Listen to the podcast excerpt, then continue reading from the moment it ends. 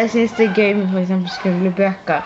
Fordi at det er litt sånn um, Det er faktisk litt spennende, og det får meg til å ikke ha lyst til å legge vekk en bok. Og, det, og på en måte at det oppmuntrer meg mer til å lese flere bøker. Fordi det er veldig spennende, og så man vet liksom ikke hva som skal skje. Halloween er rett rundt hjørnet, derfor vil vi gi deg våre aller beste skumle lesetips for barn. Vi skal snakke om en klassiker som har skremt barn gjennom mange år, og hvorfor den fremdeles helt koken, nemlig Roald Dahls Heksene.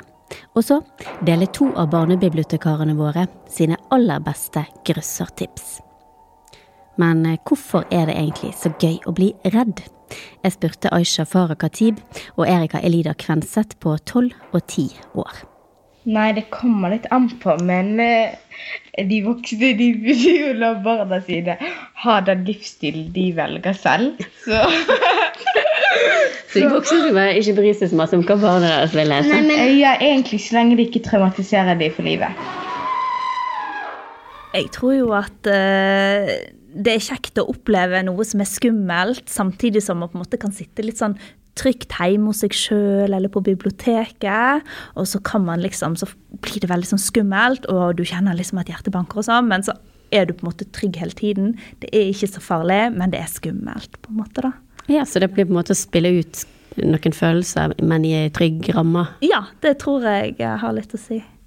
Hva tenker du, Elisabeth? Ja, jeg er vel egentlig ganske enig i det. Og så tenker jeg kanskje òg at boken som medie har du litt mer kontroll over enn mange av de andre mediene som er mer visuelle, og som mer på en måte trykker opplevelsen nedover hodet på deg. Jeg får litt sånn assosiasjon til eh, Friends, der karakteren Joey må legge The Shining, altså Ondskapens hotell, i fryseren når det blir for skummelt.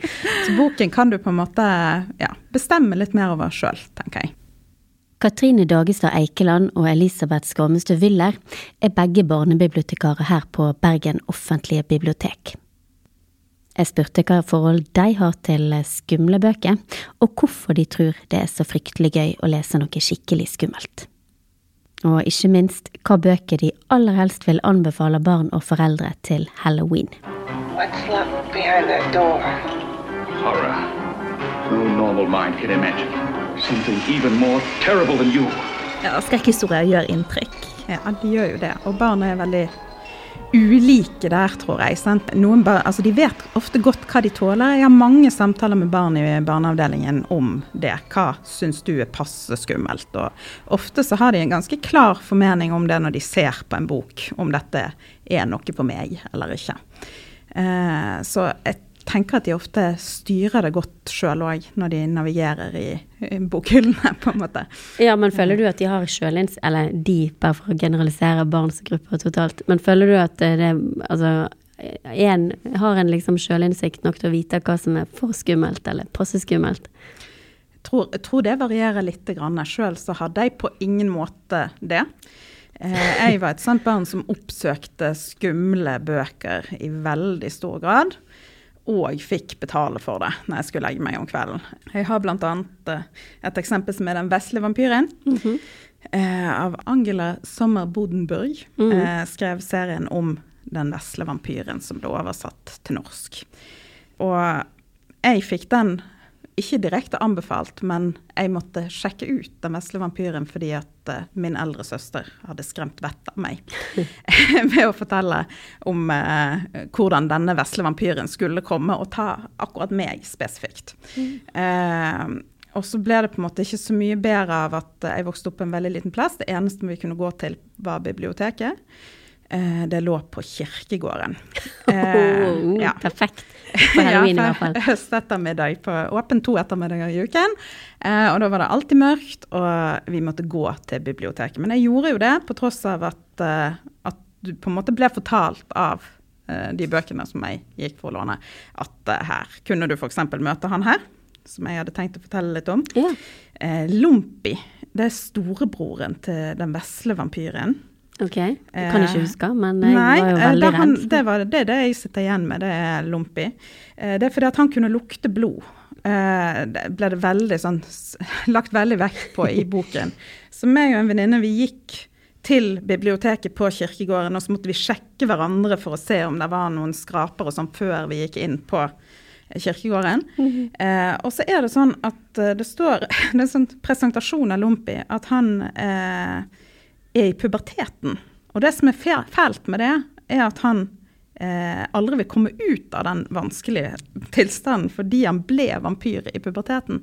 Så om ikke liksom puberteten var skremmende nok i seg sjøl, så fikk du en sånn gestalta i en sånn eh, karakter. Farlige, Ja. virkelig direkte farlige puberteten som kunne eh, spise deg opp. da. Å gud, det Eh, høres ut som en skikkelig sånn eh, gavepakke av et grøss, da. Ja, men det ble mange eh, mareritt. Betalte mye for, eh, for den interessen, men fortsatt likevel å, å gå tilbake. Ja, for du, du syns det var verdt det? Du likte å bli skremt? Jeg syns tydeligvis det var verdt det fram til jeg skulle sove, og så hadde jeg gjerne glemt det igjen For, eh, eh, Og jeg tror ikke at jeg har tatt noe permanent skade ut av det, da. Eh, men jeg passet på å ikke fortelle om hvor redd jeg var på kvelden. I frykt for at jeg ikke skulle få lov til å lese de bøkene. Vi hadde òg en veldig overaktiv bibliotekar på eh, det biblioteket som vokter alle grøsserne med eh, Ja. For at jeg ikke skulle låne de. Eh, Nettopp, så- det gjorde sikkert mye mindre interessant for deg. Eller? ja, veldig mye mindre. Så det var liksom hver gang du da kom, så var det sånn Er det vikar i dag? Sånn at det går an. Men det var veldig sjelden vikar. Ja. Hva med deg, Katrine? Hva er ditt forhold til skumle bøker? Jeg liker det ikke. Ikke i det hele tatt. Ikke det, noe heller? Nei, vet du hva. Det er um, litt mer nå som voksen, så, så tør jeg å gå inn i det litt mer enn jeg gjorde før. Men jeg har fortsatt mareritt fra når jeg leste Roald Dahl som barn. Spesielt kanskje sånn type SVK med disse kjempene som stikker hånda inn gjennom soveromsvinduene og kidnapper barna og spiser de. Jeg sover fortsatt ikke med vinduet åpent. Det skal være veldig varmt før jeg sover med vinduet åpent, altså.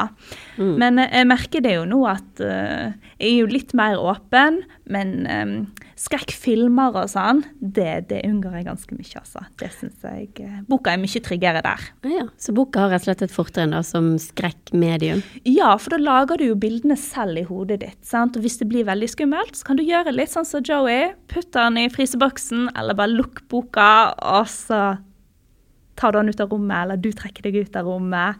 Sånn at du kan få den pausen, og så kan du liksom OK, nå er, nå er jeg klar til å fortsette. Ja. Men når det er på jobb i barneavdelingen, og folk kommer og vil ha ting anbefalt, er det sånn at det får reaksjoner fra foreldre som reagerer på all denne blodtørsten eh, som fins i eh, bøkene som vi har i hyllene våre? For vi har jo en egen avdeling, eller ikke avdeling, men en egen eh, Vi har en egen plassering som heter Skrekk Ja. nede i barneavdelingen. Det er helt sant. Er det noen som stusser på det, som kommer inn av de voksne? Jeg har ikke opplevd eh, noe på det, altså. Der er det jo mer sånn Men jeg føler jo ofte at barna kommer jo Oppsøker oss i stor grad sjøl, og liksom 'Hvor er de skumle bøkene?' Og så kan vi vise de liksom bort til, eh, til skrekkseksjonen, da. Ja, med god samvittighet. Ja, med, med god samvittighet. Det er jo litt sånn som Elisabeth sier, hvis de ønsker å oppsøke det sjøl og tenker at dette får jeg til, så dette, dette tåler jeg, så, så skal jo ikke vi hindre de i det, da. Men jeg merker jo, um, sånn som eksempel eh, Svingens mørkeverden-serien. Den er jo egentlig meint for litt yngre barn, men jeg syns jo at uh, illustrasjonene der, de, de er skumle. De er så mørke og ekle at der er det jo nesten sånn at jeg tenker Gud, passe dette, dette blir jo nesten for skummelt. At illustrasjonene blir så skumle. Ja, men det kan vel òg være veldig sant, ulikt på om en reagerer mest på innholdet i ordene, eller om det er de skumle illustrasjonene som kan trigge noen. Ja, absolutt. Vi som altså, formidlere diskuterer jo veldig ofte bøker i en sånn kontekst. Altså, hvem passer dette for, er jo ofte spørsmålet vi prøver å svare på når vi diskuterer eh, bøker med kolleger. For når vi leser barnebøker, så er det jo alltid fordi at vi skal på en måte tipse lesere om disse bøkene i en eller annen eh, kontekst. Og det, det skjer jo at vi tenker at en bok er for skummel. Eller lurer på om en bok er for skummel. Og kanskje ikke for alle, men for noen. Sant? Og det har kanskje litt å si for hva kontekst en presenterer bøkene i. Eh, og et eksempel på det er jo f.eks. den ene som vi har med i dag, som heter 'Harpa' av Audhild Solberg. Der flere av våre kolleger eh, lurte litt på om, om den kunne være for skummel for å f.eks. presentere på et eh, klassebesøk, eller eh, at den liksom ikke passer for alle. Men så er det jo sånn, det er jo ingen bøker som passer for alle. Eh, og vi kan jo si at Harpe av eh, Audun Solberg vant Arks barnebokpris. Så barn som sitter i juryen der, er i hvert fall ikke enig med oss i at det er for skummelt. Kan det ofte være sånn, tror du? At eh, barn på en måte Eller det kan, er jo noe jeg vil tro, men jeg vet jo ikke. At de sjøl tenker at eh, Eller foreldre har lettere for å tenke at dette blir for skummelt, og vil på en måte holde ungene unna det verste. Jeg har i hvert fall aldri opplevd at foreldre har kommet inn og sagt har du en skikkelig blodig bok til eh, tiåringen min, f.eks. Eh, men det skjer jo at tiåringen spør etter det sjøl, så ja, jeg tror at foreldre gjerne ikke akkurat går ut og leter etter den type litteratur alltid, men så finner kanskje barn lettere frem til han sjøl, fordi det blir mye snakking om sånne ting, hvis de opplever at det er litt sånn på grensen. Og så er det kanskje òg litt riktig å la barn få lov til å prøve seg fram sjøl på akkurat sånne ting som kan gjøre veldig inntrykk. Sant? At uh, vi trenger ikke nødvendigvis å vi trenger ikke nødvendigvis å gi en generell anbefaling. Jeg tar meg sjøl ofte i når jeg skal presentere grøssere for barn, til å si at denne boken er ganske skummel, og oppfordrer de til å gå litt i seg sjøl før de tar den opp. Uh, uten at de setter en sånn advarsel på, men, men stole litt på at de kan vurdere det litt sjøl. Og ofte så tror jeg òg at det er litt sånn som den bibliotekaren som nekter meg å, å uh, låne de bøkene, at hvis vi sier at denne her er skum, kanskje ikke for alle fordi at den er veldig skummel, så er det jo de som liker det, vil jo gjerne bli enda mer interessert mm. ja. pga. det. Og så tror jeg òg at det er noen som heller tar en en rosa bok i stedet for den svarte. Og da hadde det kanskje vært deg når du var liten? Ja. Absolutt. Det er jo noe med det at uh, skrekk det er jo på en måte en litt sånn trend som, som, mange barn går igjennom i løpet av Det er liksom en type sjanger som man går igjennom. Og det er jo litt sånn som Elisabeth sa i sted med søstera, at når man begynner å snakke om liksom, å, den boka, den skumle boka, sant? så, så ska, skaper jo det litt sånn, sånn nysgjerrighet til liksom, å ja, men og denne skumle boka som alle prater om, den har jo jeg òg lyst til å lese. Sant? Så du, merker jo ofte at denne trenden går igjen i, i, klassen, i klasserommet eller i en bestemt vennegjeng. At nå, nå, er vi der at nå skal vi lese skumle bøker. Og da tror jeg jo at man prøver seg, selv om man kanskje syns at ja, men, dette kan bli litt skummelt. At ja, men OK, jeg får, får nå bare prøve, sant. Fordi at man skal eh, holde tritt med, med vennegjengen da på, på det skumle. Ja, Foreldre vil jo gjerne at ungene skal lese. Går det an å si noe om denne sjangeren som helhet, hvis vi snakker om kvalitet? Eller som forelder, er det mulig å gå til skrekk og horror eh, og bruke ungene sin lyst til, og vilje til å bli skremt og ha spenning til å få de til å lese? Ja, jeg tror absolutt det. Det er jo noe med at i disse grøssabøkene, sant, så er det jo noe sant, Det er frampek hele tiden. Det er liksom sånn at du veit at ting skal skje videre. Det blir en sånn page turner. Sant? Du må lese mer, og du må lese mer. Sant? Det er, det er sånn giv i boka, da. Så jeg tror jo absolutt at um, grøss kan være en god innfallsvinkel for mange, spesielt barn i denne her slukealderen hvor man skal Når er det? Når er slukealderen? Slukealderen. Det er jo fra når man på en måte har, har begynt å knekke lesekoden. Kanskje sånn tredje til femte trinn. Er du enig i det, Elisabeth? Sånn ja, kanskje til, til sjette, men så tror jeg òg at det der er en sånn Det er litt i endring. sant? Eh, boken har veldig mange eh, andre skjermer og medier og sånn som er i konkurranse med boken. Eh, så, så, jeg vet ikke helt liksom, hvordan barns lesevaner er akkurat nå, men vi pleier jo, når en snakker om slukalderen så er jo det Eh, gjerne ni til tolv eh, en eh, tenker mest på. Og der finnes det jo òg masse veldig bra barnelitteratur som er ja, noen ganger nesten vel så avansert som voksenlitteraturen. Og noe ut av det er jo grøssere òg. Katrine har jo tatt med Neil Gaiman sin 'Coraline' i dag, f.eks. Eh, som kan, kan jo plasseres i grøssersjangeren, den, men jeg vil jo absolutt ikke si at det er en formelbasert eh, bok som følger en oppskrift, og det er derfor den fungerer, på en måte.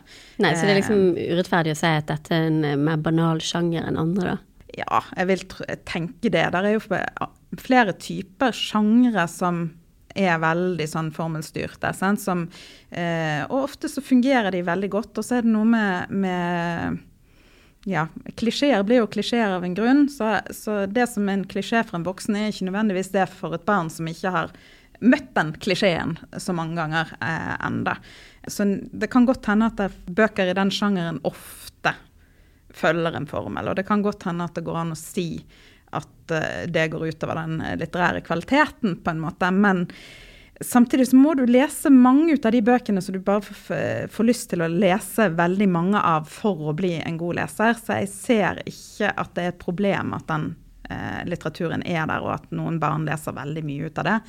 Jeg tror det er større sjanse for at de tar opp en annen type bok seinere, hvis de først har fått lest mange ut av de. Så er det jo litt det du sa, Elisabeth, om denne her med konkurransen fra andre medier og sånn. Mm. Der kan jo på en måte skrekklitteraturen gi liksom en ny innfallsvinkel til litteraturen. Sant? At denne type skrekklitteratur den kan på en måte gi de litt av det de får i disse spillene de spiller, seriene de ser på TV og sånn, at de kan få det litt i litteraturen også.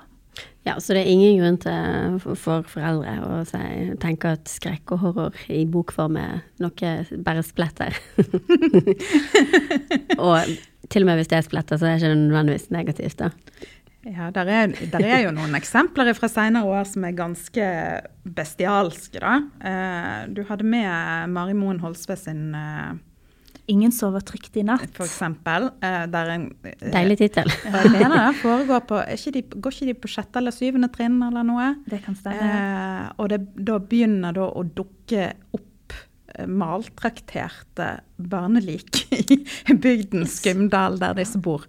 Eh, og det er òg en sånn bok som vi har diskutert, og er litt sånn Var ikke dette litt voldsomt? Men Høres litt voldsomt ut. Ja, det, det, for meg eh, oppleves det ganske voldsomt. Eh, og jeg kan aldri huske at jeg har lest noe lignende som barn. Så det er jo kanskje noe som har skjedd i, i sjangeren der, at du har eh, beveget deg videre. Og det er jo på en måte ikke, det er jo en, egentlig en thriller, men samtidig så er det så bestialsk at du må jo si at det kan puttes altså Der er i hvert fall grøss involvert, da, om du ikke kan putte den direkte i den uh, sjangeren. Og det er òg litt det samme som med den uh, harpa. Der, I harpa er det jo et monster, uh, og et monster er jo på en måte lettere å forholde seg til enn et menneske med med onde hensikter, for å si det sånn. Det er mye lettere å forstå ren ondskap enn en komplekse mennesker som har flere sider og utfører forferdelige handlinger. Men barn vil jo ha det likevel. Altså, de responderer gjerne veldig positivt. Og så, ja, nei, jeg tror våre voksne grenser ofte blir uh, Og vi leser det i vår kontekst òg. Altså, vi leser det jo som voksne, og vi har helt andre og mange flere erfaringer når vi tar opp den boken enn hva barn har. Sant? Så vi kan ofte lese oss sjøl inn i det vi leser, tror jeg. på en måte. Og de, altså det vi har med oss til den boken, det er noe helt annet enn et barn har. da. Ja, de er rett og slett unge, ikke bare som lesere, men i verden. Vi skal jo veldig snart få noen anbefalinger. Bare et siste spørsmål før det. Det er egentlig kanskje bare jeg som lurer på, men jeg vet ikke om det er sånn at denne tørsten etter grøss og gru er sånn spesifikk for oss her i vår del av verden? Eller har du noen idé om det er et slags globalt fenomen med grøsserlitteratur for barn? Noen tanker om det? Eventyr er jo eh, veldig ofte veldig skumle, og det er jo ikke bare vestlige eventyr som er det. Eh, så jeg tror at det er ganske sånn gjennomgående. Og jo da, vi vet jo at eventyr har hatt en sånn funksjon eh, at de skal helst skremme barn til å oppføre seg, da. Mm. Eh, og, og, det er jo kanskje ikke noe vi vil at barnelitteratur skal gjøre i dag, men det fins jo eh, f.eks. altså eh, det somaliske eventyrene om heksen til Ger er noe av det skumleste jeg noensinne har eh, vært borti. Eh, for det at jeg, altså jeg har blitt fortalt det eventyret live i en forestilling. Eh, og det blir veldig sånn når du da har en veldig dyktig forteller som setter deg inn i det, og så er tvisten på slutten jeg skal ikke, skal ikke, spoile, men det er bare det er virkelig grensesprengende. Eh, fordi at eh, plutselig eh, så settes liksom Det du har vært redd for hele tiden, plutselig så er det liksom i der du bor, på en måte, i huset ditt. Eh, og det må du bare forholde deg til. Eh, og det er ikke noe happy ending i det hele tatt. Eh, den happy endingen har et Altså, det skjer noe etter at liksom, problemet er løst. Og man har jo på en måte denne klassiske hjemme borte hjem-strukturen som eh, så å si alle eventyr følger, men ikke dette her. For her er det hjemme borte hjem. Å nei, det var visst ikke over likevel. sant? Det er jo en sånn klassisk skrekkfilmgrep for at du skal vite at her kommer det en oppfølger. Eh, personlig så har ikke jeg turt å lese de andre eventyrene som finnes der. for Jeg er litt redd for at det ikke skal gå bra. Eh, så jeg tror det er veldig eh, Altså, vi har skremt hverandre siden tidenes morgen, tror jeg vi egentlig nesten kan si, med det, det som finnes av eh, eh, nedskrevne eventyr. Og vi har skremt barn med vilje. Eh, Ikke bare for å få de til å oppføre seg, og bare på gøy. ja. Ja. ja, det tror jeg. Men det er en veldig fin konklusjon på denne delen, tenker jeg. Det er jo det som er litt fascinerende med skrekklitteratur. Det er jo dette med slutten. Sant? Fordi at du har jo disse skrekkfortellingene sant? der du møter dette ukjente og det farlige. Og så skal du på en måte finne det, finne ut hva det er, og så skal du bekjempe det. Og så ender det lykkelig og godt. Sant? Liksom Barnet vinner mot ondskapet. Men i skrekken så er det jo ikke alltid sånn. Sant? Og det er jo noe med det òg at den slutten kan av og til være litt sånn Hvordan gikk dette egentlig? Endte dette godt? Kan denne ondskapen komme tilbake? Og det er jo det som er litt eh, spennende med skrekklitteratur. Ja, At liksom en eh, uhyggelig liten tvil kan dukke opp helt på slutten. Mm. Absolutt. At de holder på. Sant? Du må lese helt til siste Ja. side. Kommer dette egentlig til å gå bra? Ja, og du, nå hold, da kan ikke det skje, selvfølgelig, men her er altså Roald Dahls 'Heksene' blir holdt opp. Ehm, det passer jo fint som en overgang til å anbefale bøker, men vi kan jo bare ta, gi det en egen sekvens. Fordi i hvert fall i mitt liv så har Roald Dahls 'Heksene' vært en kilde til eh, angst og mareritt i mange år. Og den holder koken som skummel bok. Hvorfor det, Elisabeth? Hva tenker du? Altså, for det første, jeg, jeg er jo egentlig veldig glad i eh, denne boken, da, så jeg tenker jo at det har noe med Altså, det er jo Roald Dahl sin status, selvfølgelig, sant. Og måten han har fremstilt uh, karakterer på, måten han fortalte historier på, der han liksom balanserte på en måte på en, eh, på en litt annen egg enn andre barnebokforfattere gjorde da. Alle Altså, der er jo forferdelige voksne, ja, men det er òg forferdelige barn i Roald Dahl sine bøker. Eh, og det ser du jo ofte i altså Britisk barnelitteratur følger jo ofte den eh, altså er, Jeg tror det er flere slemme barn i britiske bøker enn i, eh, i mange andre kult, si, kulturer. Eh, Men altså, Roald Dahls 'Heksene' er jo noe av det skumleste jeg har vært borti. Personlig så har jeg klaustrofobi, så jeg syns det at et av barna som blir fanget av hekser i sånn, en sånn historie som bestemoren til denne gutten som det handler om, forteller, hun blir fanget i et bilde og må være inne i det bildet hele resten av sitt liv, det syns jeg var det aller skumleste med boken 'Heksene'. Så det er mange som har blitt traumatisert av den opprinnelige filmatiseringen som kom ikke så lenge etter boken, eh, med Angelica Houston som en forferdelig skummel heks. Ja, så jeg tror nok kanskje at det er det at han tør å Han går jo ganske langt, sant? for disse heksene er, skal jo utrydde alle verdens barn. Eh, nå dreper de de ikke, de skaper de om til andre skapninger. Og i heksene så har jo da storheksa funnet en måte å effektivisere dette på, For eh, hun har laget en eliksir som skal da skape alle verdens barn om til mus. Og en kan ikke si at denne boken her ender så veldig godt, egentlig, hvis du på en måte bare leser det ene nivået. Jeg kan spoile såpass at jeg sier at heksene vinner ikke nødvendigvis, men de taper ikke heller. Sant? Vår eh, helt oppnår veldig mye bra, men han betaler ganske dyrt for det òg. Så kanskje det òg er en sånn appell med denne boken. At den turde å ikke ha en sånn udelt liksom happy ending. Her går det kjempebra, og alle lever lykkelig alle sine dager. Det er, masse, det er spørsmål som er ubesvart. Det er fremdeles masse hekser igjen i verden eh, når denne boken er ferdig. Eh, så jeg tror kanskje at det er litt det. At, at det er den der eh, vi tør å lande i en situasjon som ikke bare er en lykkelig slutt. Og fremdeles er det jo sånn at de lykkelige sluttene dominerer jo barnelitteraturen, selv om, selv om det er eksempler på at det ikke alltid er sånn, og at det kanskje er litt tiltakende at, eh, at en går for andre typer avslutninger på en eh, historie. Mm. Det er jo ja. kanskje litt mer realistisk òg, dessverre, på en måte. At, ja, eller dessverre for de som ikke vil bli skremt. Eh, men ditt forhold til Du nevnte jo eh, SVK helt i starten her. Ja. Eh, Roald Dahl har jo vært flink å skremme unger lenge. Eh, hva er ditt forhold til heksene og til Roald Dahl? Jeg eh, liker heksene veldig godt. Men det òg er jo en sånn som har satt et støkk i meg som eh, men, men så er det jo veldig sånn, hvis du følger denne boken veldig bokstavelig Ja, men OK, men da skal du se etter disse kvinnene med hansker som klør seg i håret fordi at de bruker parykk, også som spytter blått. Sant? At, du, at du har liksom disse når, når du er barn, så kan du bruke det som sånn coping mechanism, rett og slett. liksom, OK, hvis jeg tar dette bokstavelig, så kan jeg følge disse trinnene her, og så blir det en slags sånn ekstra beskyttelse i det. Men ja, den, den er kjempeskummel og briljant på en og samme tid. Kan kanskje bare rett og slett slå et slag for lydbokversjonen av den òg, for den syns i hvert fall jeg er helt fantastisk. Med, jeg tror det er Kjersti Holmen som leser, og den er òg Da slipper jo du de mest grafiske som filmen har å by på, da. Men den er en veldig fin opplevelse. Ja, vi har jo snakka litt om det med humoren i den boken òg. At det er en slags distanse i den humoren som ligger i den teksten. Men det er ikke sikkert at adaptasjonene klarer å eh, altså Da tenker jeg på filmadaptasjonene. Klarer å, å formidle den humoren på en sånn måte som gjør at, at du oppnår den distansen. sant? Så kanskje derfor det blir så veldig rått på et vis. Og så tror jeg òg at eh, det at barn liksom er så viktige at en hel sånn stor organisasjon skal bruke så mye energi på, på å fjerne barn. For de, disse heksene spiser jo ikke barn. Nei. Det er veldig mange andre hekser som gjør det.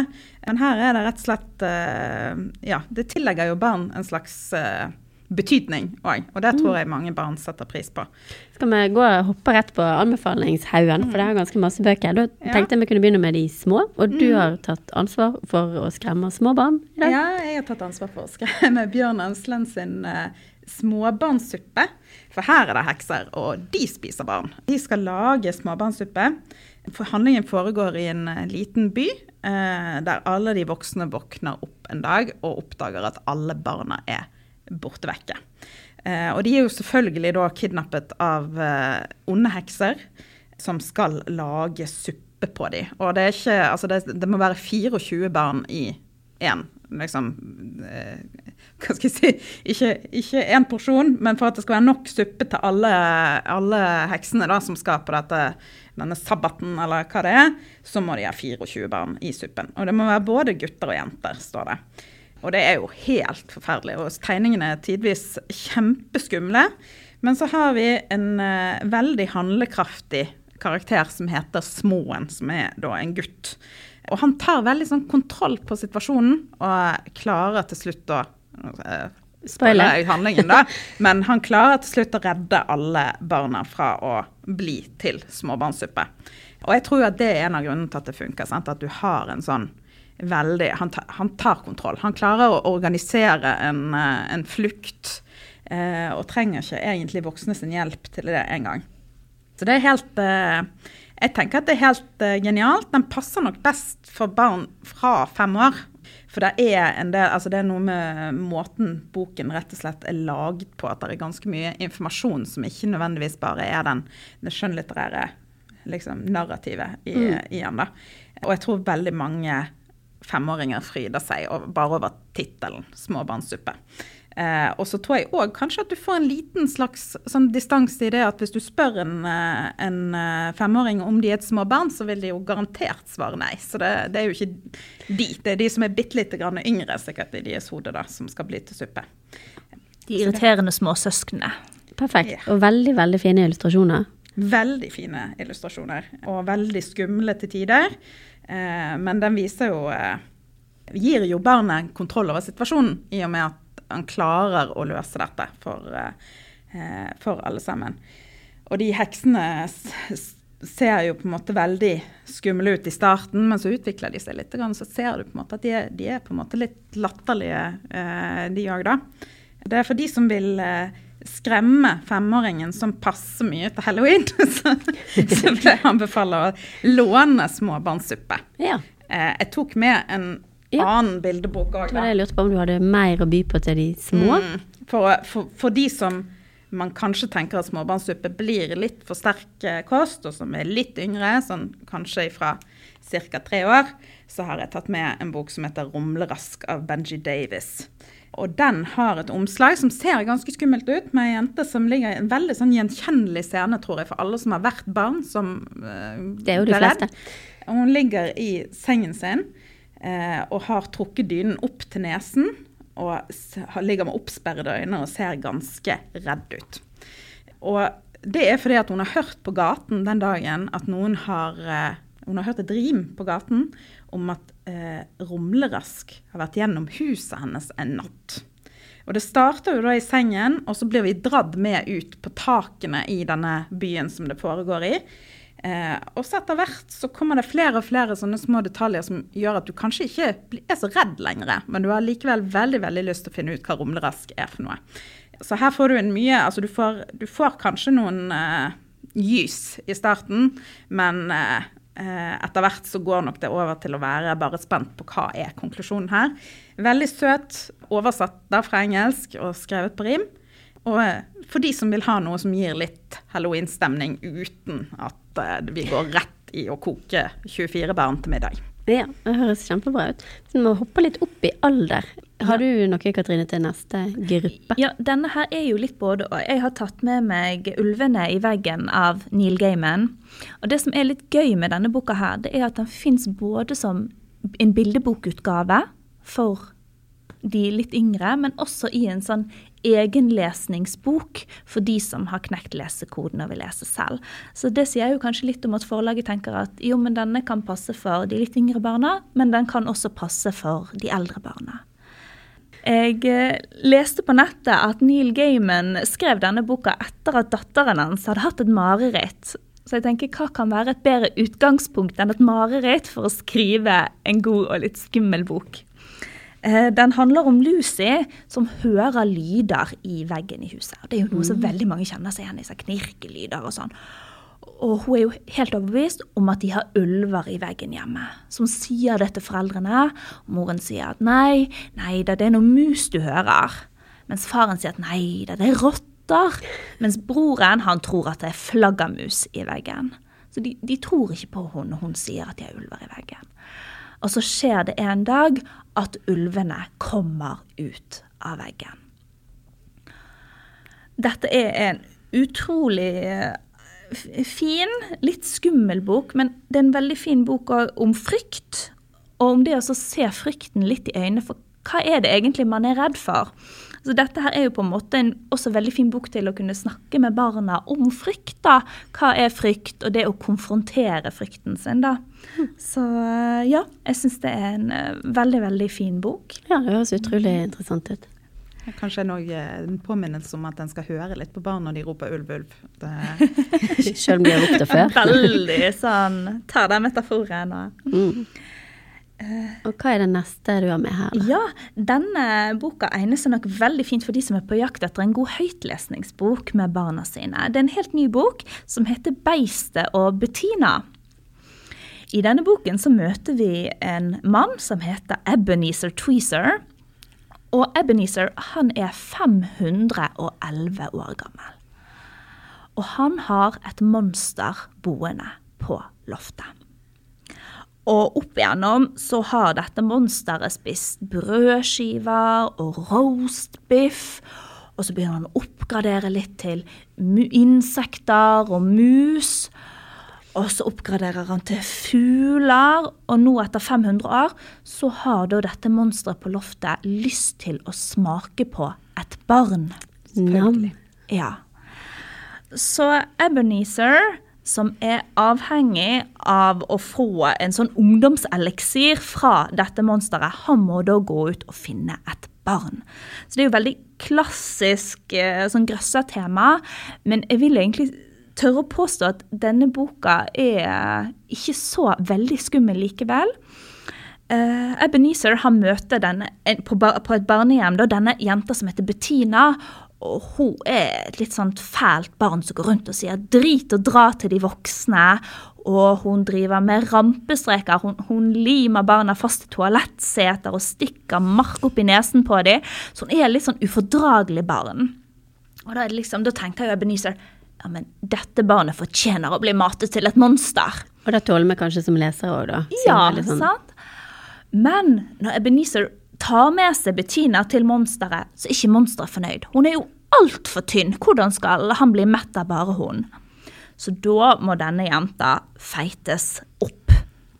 Dette er en utrolig morsom, gøy og sprelsk bok. Litt sånn i den Roald Dahl-ånden med masse overdrivelser og dette med at voksne òg ikke alltid helt vet hvordan de skal oppføre seg. Og om eh, ja, et usannsynlig vennskap. Og så har du da det som ligger over og lurer hele tiden. Det er jo dette her med at dette monsteret har jo lyst til å spise Bettina. Kommer han til å spise Bettina? Hvordan kommer dette til å gå? Og da kan vi la henge i lufta. Ja. Eh, hva aldersgrupper ville du sagt at den passet til? Eh, sånn høytlesningsmessig så kan man kanskje gå ned til syv, ville jeg sagt. Syv-åtte år. Og så vil han jo fra, fra sånn ti år, så kan man jo gjerne lese den selv. Det er masse fine illustrasjoner i den også. Eh, men ja, fra, fra åtte år oppover, kanskje. Syv-åtte år. Eh, Jeg tenker at jeg ser en veldig grei overgang med slemme barn. Så, så hvis jeg bare kan svare på Katrine sin eh, på om Bethany, som, eh, som er et eh, slemt barn, men som utvikler seg i løpet av boken. Så at vi får se andre sider av Bethany, og så viser det seg kanskje at eh, hun ikke er så slem likevel. Og der, er jo, der var jo Roald Dahl kanskje litt sånn nådeløs, hvis du tenker på Charlie og sjokoladefabrikken med, med de som har vunnet gullbilletten, så er jo alle sammen fullstendig uspiselige. Og eh, ja, man elsker å hate de, eh, så det er jo på en måte litt fint å se, se utviklingen, da. At Bethany hun eh, er ikke egentlig så ille likevel. Det kan hende det er situasjonen som gjør at hun er sånn som hun er. Eh, men man tåler det, som du sier, Eli. Man tåler det som leser når, at, eh, når en får en uspiselig karakter. Så er det helt greit at de blir spist.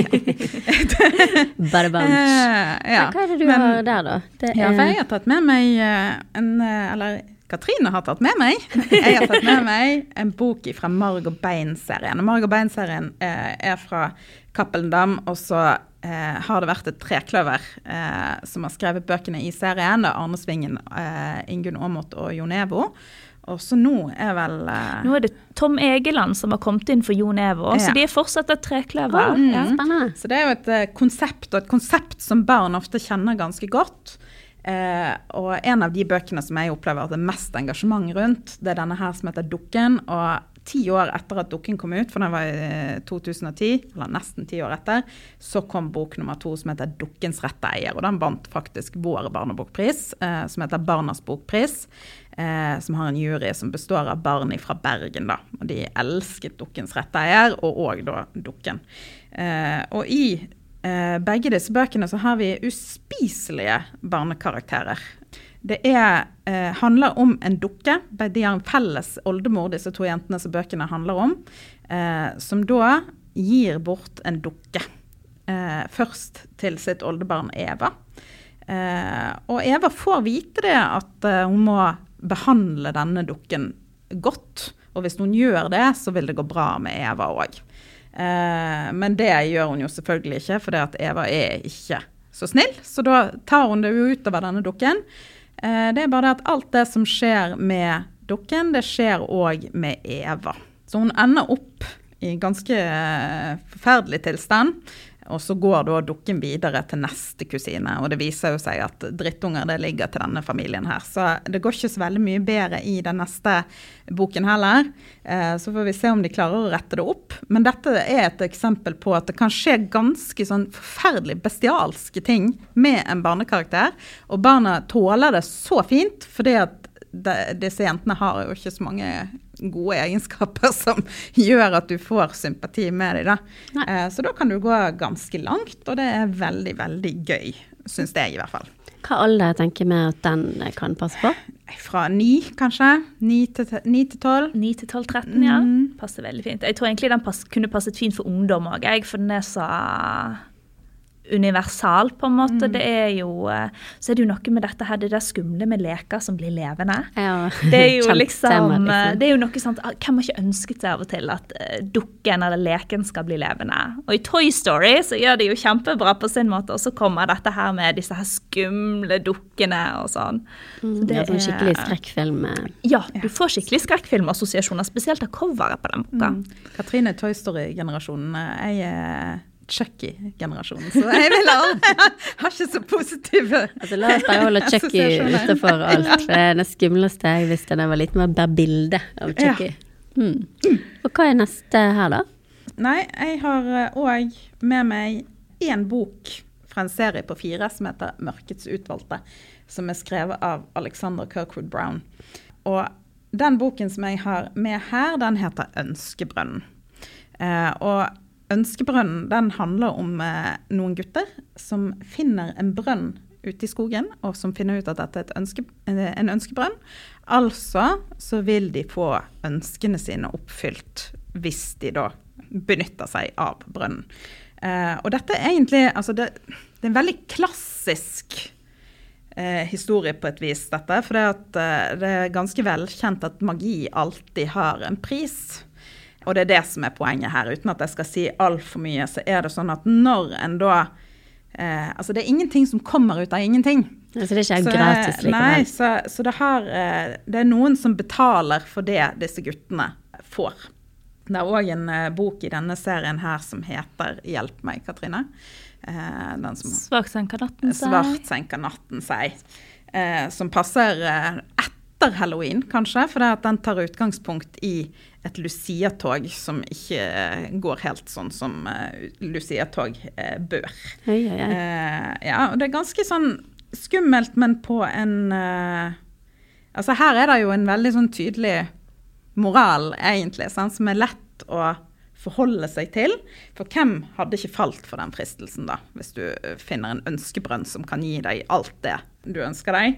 Eh, og den opplever jeg at det er mange gutter som blir veldig engasjerte. Ja, men det er jo Jeg òg ble kjempeengasjert når jeg leste den, altså. Den, eh, det er en av mine favoritter eh, i skrekksjangeren. Det er okay, den der. spennende. Ja. Ja, det er måter å bruke disse formlene på, på en måte. Så det går jo an å virke innenfor en sånn uh, sjangerformel og likevel tilføre noe som er interessant og eh, spennende. Ok, og skal vi hoppe over til en klassiker, eh, rett og slett, hvis ja, vi kan kalle det det. det er jo nesten blitt en klassiker. Vi hopper inn med en ny bok av Neil Gaiman, nemlig Coraline, som også har blitt eh, filmatisert med stor suksess. I denne boka så møter vi Coraline Jones, som flytter inn i et nytt hus sammen med familien sin. Det er sommerferie, men foreldrene de jobber hele tiden, og Coraline hun kjeder seg, hun har ingenting å gjøre. Så hun bestemmer seg for å utforske det nye huset, og der finner hun en dør som leder hun inn i en ny verden. Eh, Hun finner en dør som leder hun inn til en leilighet som er omtrent identisk med den hun har, med en mor og en far som er ganske lik hennes egne, men istedenfor øyne så har de knapper. Og denne andre moren og andre faren, de er mye mer oppmerksom enn hennes egentlige foreldre. Moren lager bare god mat som Coraline liker, og de leker sammen, og de har det så kjekt. Så Coraline hun, hun blir jo hun vil jo reise tilbake igjen til denne her eh, andre verden med andre mor og andre far. Men vi skjønner jo etter hvert at det ligger noe mørkt og skummelt over denne verden med andre mor og andre far. Så Coraline hun bestemmer seg for å komme seg tilbake til sin egen verden så fort som mulig. Men når hun kommer seg tilbake, så er foreldrene hennes forsvunnet. Oi, oi, oi, oi. Ja, det er jo For det er jo noe med at dette motivet igjen er jo så utrolig kjent. sant? Hvem ønsker seg ikke av og til nye foreldre? Foreldre som er snillere, foreldre som er mer lekne og gøy. Sant? Og så får du det, og så er det egentlig bare et stort mareritt. Jeg må være litt forsiktig med hva en ønsker ja, seg nå. Det er noe med det som går igjen i mye av disse bøkene. Du må være forsiktig med hva du ønsker deg. Og jeg syns jo, jeg vil bare legge til det med Coraline, at det er veldig eh, det som jeg kanskje liksom bet meg mest fast i når jeg leste denne boken første gang for mange år siden, er jo på en måte hva At Coraline eh, er en smart jente, men hun overser på et vis alle disse tegnene på at her er det noe som ikke stemmer, fordi at hun får den omsorgen og blir møtt på den måten som hun ikke blir av sine egne foreldre. Eh, I hvert fall ikke i den fasen som de er i akkurat da. Vi vet på en måte ikke om Coraline sine foreldre alltid er sånn, eller om det er bare fordi at det er mye som står på. Og det kan vi jo alle voksne kan jo kjenne seg igjen i det. sant? At du f føler ikke at du har alltid det samme overskuddet. Og det, det er kanskje det skumleste, syns jeg, da. Hva hun på en måte aksepterer av, av liksom dårlig følelse uten å egentlig reagere før det nesten er for seint. Eh, Nesten er for seint. Ja. la det henge i lufta om det faktisk er for seint. Men det høres ut som en skikkelig sånn psykologisk thriller, nesten. da. Det er ja, og tror òg at filmen kan være en fin sånn halloween-familieopplevelse. Så absolutt. For hvem tenker vi da i aldersgruppe? Nei, her eh, 9 til 15, jeg vet ikke. Ni til 9 voksne? ja. Dette, dette er en bok som. Ja, vi må ikke glemme de eldre, det er helt sant. Dette er på en måte en veldig god uh, grøsser, altså. Den, uh, ja. Så har du ei siste bok her. En Veldig siste, spent på hvem som Som også er for, for ungdommene. Vi må jo ikke glemme de. De liker jo av og til å bli skremt, de òg. Og jeg ble i hvert fall veldig skremt når jeg leste 'Svarte Matilda' av Tor Arve Røsland. Jeg vet ikke om dere kjenner til legenden om Bloody Mary? Eh, Litt. Ja. jo da, Ja. det, det har jeg prøvd. Ja, Foran sånn i speilet. Ja. Ja, på konfirmasjonsleir. på konfirmasjon. Ja, så konseptet er jo da at du skal være på badet, det skal være mørkt rundt, og så skal du si Bloody Mary x antall ganger, og så kommer Bloody Mary ut av speilet. Som en drink. Nei, nei.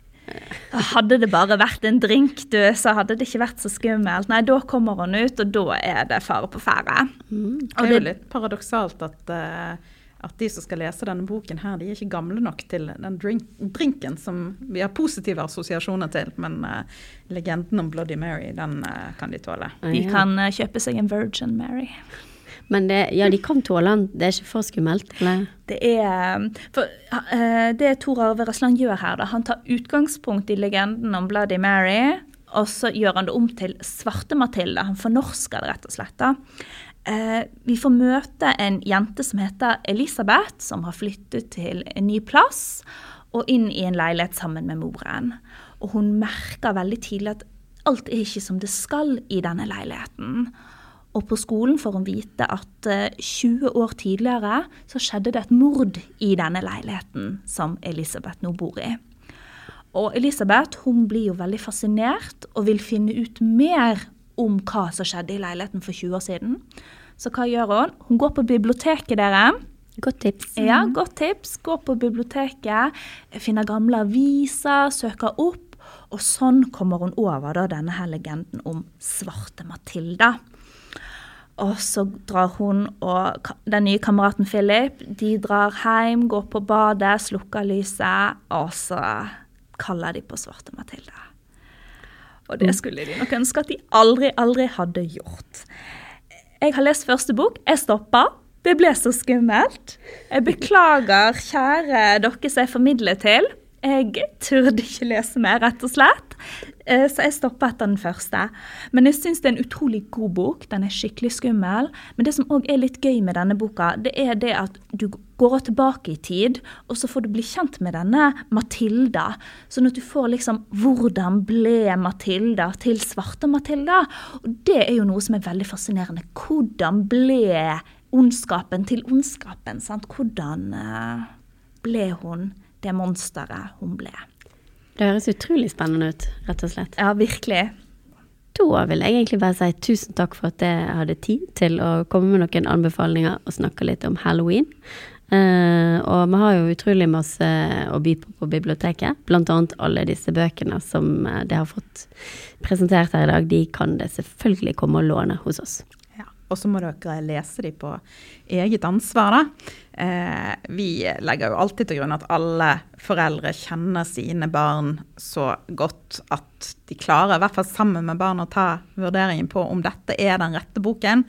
Ingen bøker passer til alle lesere. Selv om det er en barnebok, så betyr ikke det at det er en bok til absolutt alle barn. Eh, men så er det veldig dumt å gå glipp av de skikkelig gode opplevelsene fordi en vurderer ting for så, eh, som for skummelt. Så ta med barna på vurderingen. Ta de med på biblioteket, og snakk gjerne med oss òg i samme, samme slengen, for vi har ofte mye å by på i den sammenhengen. Ja, så disse bøkene har skremmegaranti, men vi tar ikke ansvar for Ja, det, det finnes jo noen kalde fisker der ute òg, som ikke blir skremt av noe som helst. Sjøl så har jeg en av hver type hjemme. Eh, så, så jeg tror ikke vi vil eh, liksom legge jobbene våre på bordet. Nei. Vi bare tar sånn total ansvarsdisclaimer på alt, Ja. tror jeg. er det enkleste. Vil vi bare si god lesing og god halloween. Yes. Nei, du vil vel kanskje på en måte se på um, anmeldelser om boken, og kanskje spørre barn hvis det er noen som har blitt traumatisert. Ok. Men um, jo, altså, de burde få lov, men ikke for skumle bøker. Altså, man må jo først, når man blir eldre, så kan man gå litt um, Ja. Man kan ikke lese veldig skumle med en gang, liksom. Kanskje de kan spørre noen eksperter da, en eller annen plass der de har masse bøker. For eksempel. Bibliotek. Ja, kanskje. kanskje. Da sa altså Aisha Farah Khatib og Erika Elida Kvenseth til meg, som heter Eli Fossdal Våge. Du har lytta til en podkast fra Bergen offentlige bibliotek. Besøk gjerne nettsidene våre òg, så finner du flere podkaster og mer info om alt vi har å by på.